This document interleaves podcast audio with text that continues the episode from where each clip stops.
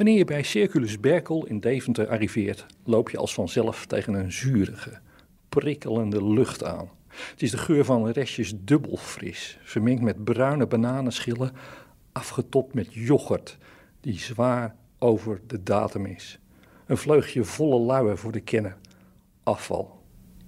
Je gaat samenwerken met Harold, neemt werkleider René Hogewind de planning met mij door.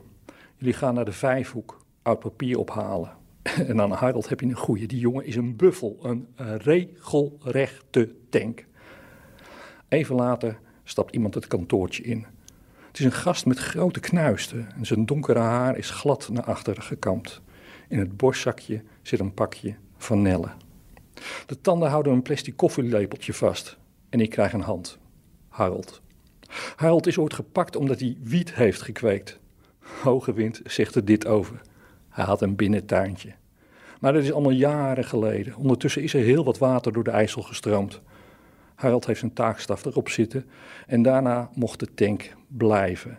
Harold is het levende bewijs dat werken werkt. Tientallen taakstraffers heb ik hier gehad, zal René later zeggen. De meeste hebben een lichamelijke, geestelijke of een sociale beperking. Dat zijn van die mensen die, als ze hier komen werken, je geen twee weken vakantie moet geven. Dan zijn ze helemaal van hun padje. Dan missen ze dus structuur en de regelmaat. Gaan ze alleen maar blowen en drinken. En daarna heb je een half jaar nodig om ze weer aan de praat te krijgen. En dat is jammer, want het zijn wel goede werkers. Ze zijn belangrijk voor ons. De ronde begint. Harold en ik zitten met z'n tweeën naast chauffeur Remco. Hij rijdt ons in zijn vuilniswagen naar de Vijfhoek toe. Deventer kent geen blauwe papiercontainers. Het papier zit hier in dozen, in kratjes. Het karton ligt soms los op de stoep of het wordt vastgehouden door één enkel touwtje. Harold loopt met zijn 45 jaar als een jonge god op super. Hij rent, het is niet gelogen, hij rent voor de vrachtwagen uit. De regel hier is dat je naar huis mag als alles voor die dag klaar is, had René al aan mij uitgelegd. En er moet ook echt iedereen klaar zijn. Hè? Het papier moet opgehaald zijn en het glas. En het moet netjes gebeurd zijn. Ik moet geen klachten krijgen. Wat is er met dat koffielepeltje? Vraag ik aan Harold als we even rustig achter op de treeplankjes van de vrachtwagen staan. We draaien rechtsaf de Ab Hakenboomstraat in. Harold stapt af, pakt het staafje uit zijn mond en kijkt er eens naar. Dat scheelt in het roken, luidt de verklaring. Heb ik toch iets in mijn mond?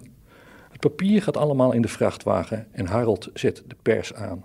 Dozen worden krakend en piepend dunne pakketjes. De chauffeur rijdt al weg als er een vrouw met een stapel oud papier aankomt zitten. Sorry, sorry, ik zat even in de vakantiemodus, verontschuldigt ze zich. Oh, waar ben je geweest? De moezel? Och, dat is mooi hè, maakt Harold een praatje. Tegen vrouwen ben ik altijd vriendelijk, zegt de tank als we weer op pad zijn. En wat nou als het een man was geweest? Probeer ik hem uit. Nou, dan had ik gezegd, over 14 dagen ben je de eerste. Remco roept.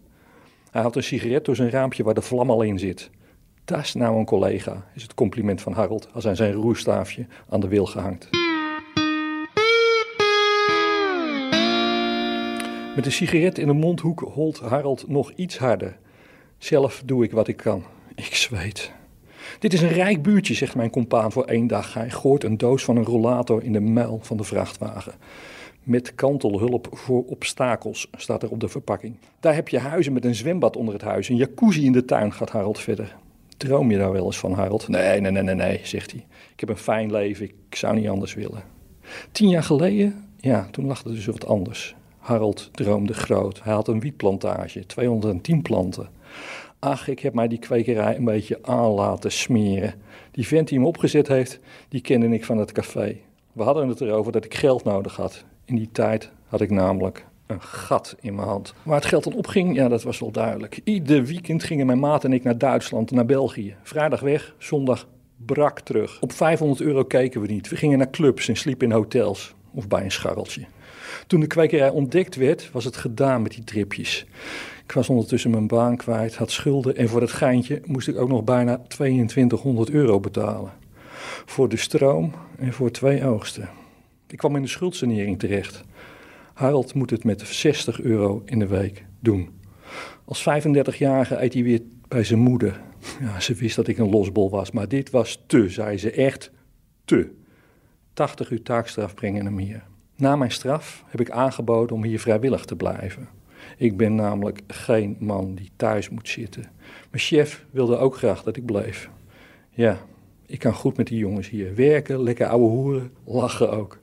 Uiteindelijk krijgt Harold een vast contract. Van hotels naar clubs, naar drank en scharreltjes ging het. Van 500 euro's die verdwijnen als sneeuw voor de zon naar 60 magere euro's in de week. Via maaltijden van moeder naar oude dubbelfrisverpakkingen. Lekker oude hoeren niet vergeten en dozen waar rollators in hebben gezeten met kantelhulp voor obstakels. Zie hier Harolds leven in een notendop. Ik heb geleerd dat er ook een normaal leven bestaat, legt Harold mij uit. De woorden ouder worden en verstandig rollen uit zijn mond. Hij zegt het op een rustig toontje. Maar het was ook leuk, voegde hij er met ondeugende oogjes aan toe. Tja, die tijd, die pakken ze mij niet meer af.